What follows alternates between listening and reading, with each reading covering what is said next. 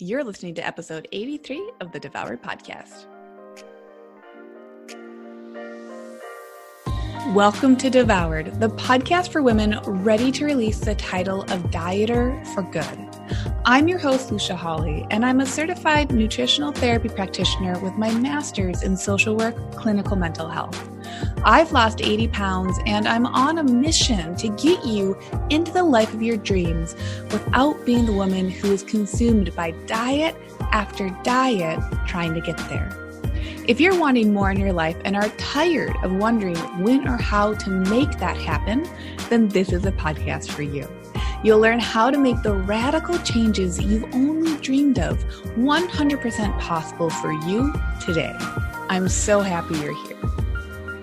The information provided within this podcast is intended as general education only and is not to be considered a substitute for professional medical advice, diagnosis, or treatment.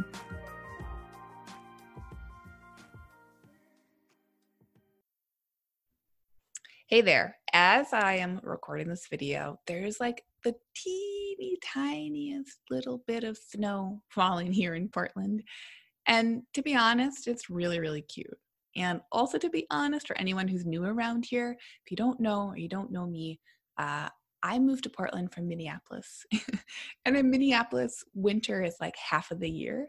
So I find it extremely cute when it snows somewhere and the snow doesn't even stick on the ground. You just have snow for the sake of snow. I'm totally here for it. And that was totally a reason why moving to Portland was high on my list of things that I wanted to do and accomplish. So now that we have our weather talk out of the way, because also as a Minnesotan, you got to talk about the weather. Yeah, don't you know? Today's episode is all about what to do when you feel like throwing in the towel. And this is a tricky subject to talk about because the idea of throwing in the towel is that you have this big goal that you set out to accomplish, whether it's health, fitness, wellness, business, personal life, professional life, whatever it is. The idea of throwing in the towel to me creates a visual that there is this big, hairy goal that you set, and you realize, oh my gosh, I'm not worthy of that goal. Or, oh my gosh, I let it slip for one day. Now I just have to crumple it up and throw it away, right? It's like you had a to do list on your desk. And you wrote out what you needed to do to make that goal happen. And then you spilled your cold cup of coffee on it instead of wiping off the coffee and just carrying on and picking yourself up and shaking it off. You decided up oh, because I spilled coffee on my to do list of the thing, not the thing itself, but the actual to do list. I have to throw it away, right? It's ruined. It's done. That's the visual that I have, right? Throwing in the towel, like, oh, I'm over it. I'm done. Over. Completely just not for me anymore. I can't believe I thought I was the person who was going to do that.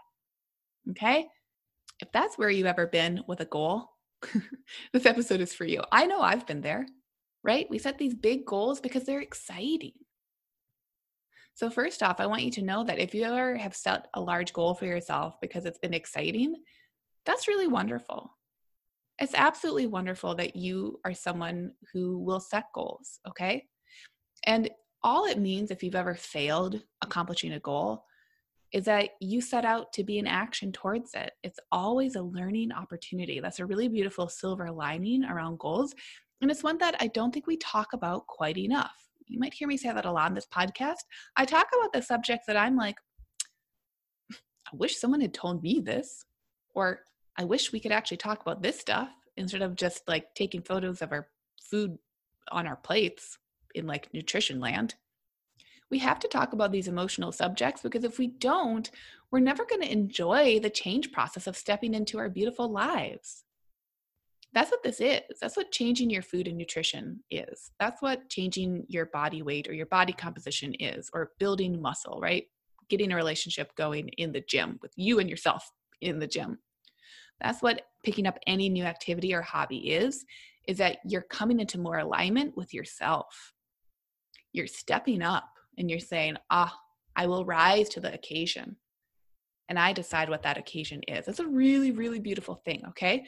So, first off, if you've tried a new thing and that thing is in alignment with your core values and you're confident that like you're choosing this for reasons that make sense for you, but all of a sudden you just stop the thing, you might be asking, what gives? So, first off, you're not crazy. Secondly, this is my too long don't read. I think a lot of us, especially in podcasting world, we want to like drag out these subjects. Like, oh, let me get to a half hour episode or 60 minute episode around this stuff to really give people a lot of content. Cool, cool. There's a place for that. But also, I want today's episode to be really actionable for you. Okay. I just want to give you this information so that you can take it and run with it in whatever direction you want to run. So, first off, you're not crazy if you stop showing up to a goal that you really do want to show up to. Because, and this is the key, this is a takeaway in this episode, is when you don't show up to something that you say you want to show up to, all that is, you can cut out all the brain chatter and like the shaming and like the guilt spirals. Just cut that stuff out for a second, put it to the side. And just understand that this is your ego keeping you in old habits. And when you understand that, here's the cherry on top with your old habits. Your old habits aren't bad and they never were. Your old habits simply are. They're just existing just as much as your new habits can exist. And the only difference between your old habits and your new habits, because when you want to create a goal and you want to accomplish that goal, that means that you're getting on board with creating new habits. Again, whether that's nutritional or fitness or any sort of health goal, personal goal, business goal, financial goal, whatever it is. A goal is you saying, Oh, I want to take new steps in a new direction in order to get to that goal.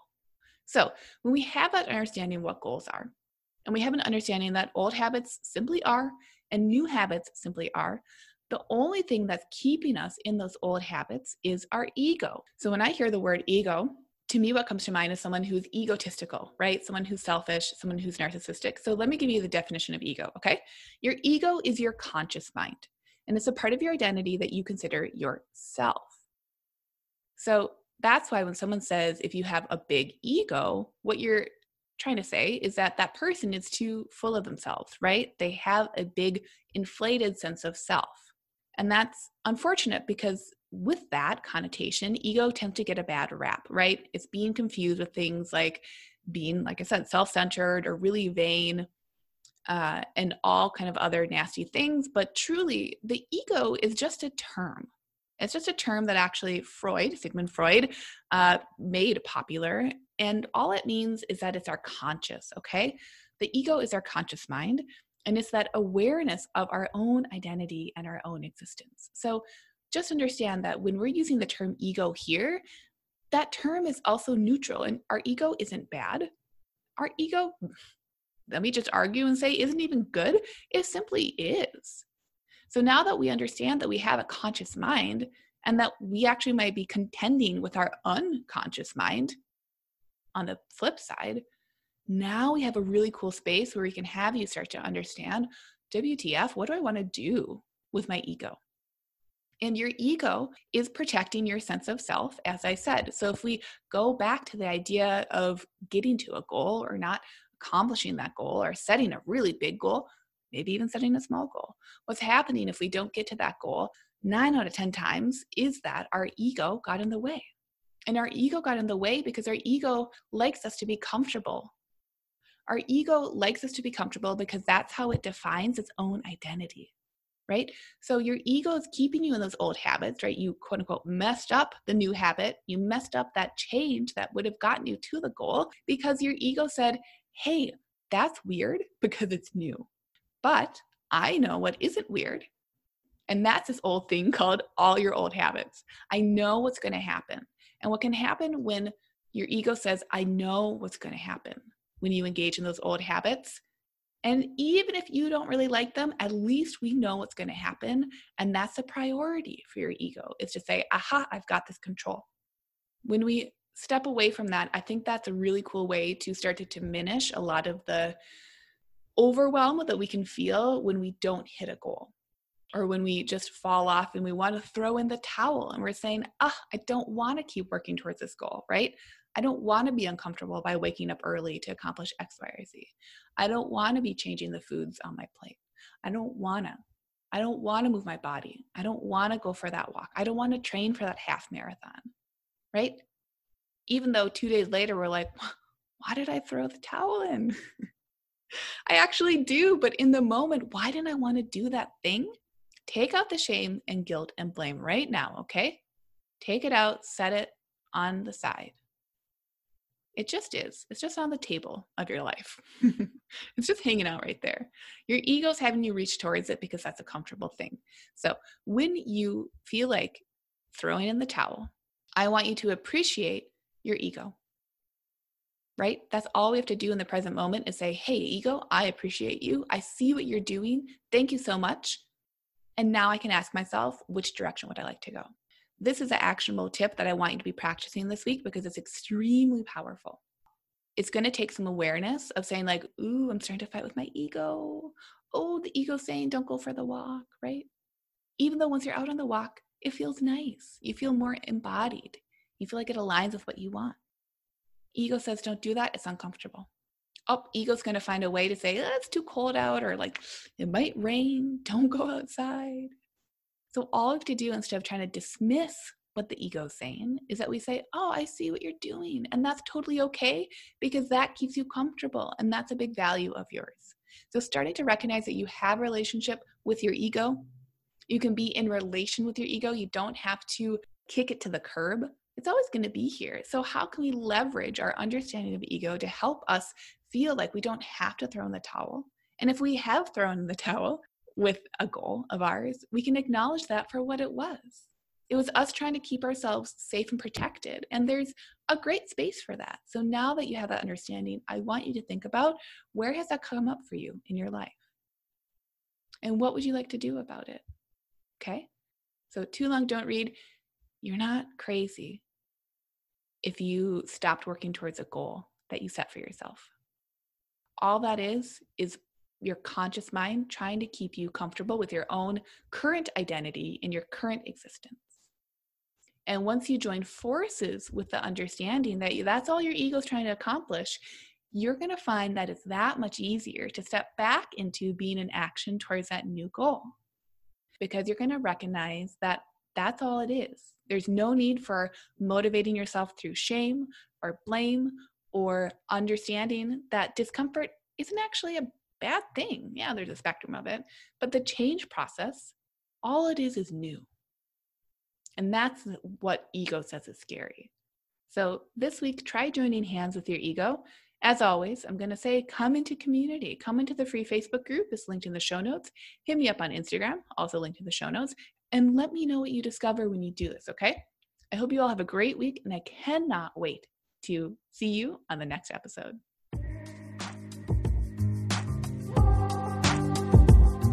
Okay, everyone, that's all for this week. Thank you for listening to this full podcast episode.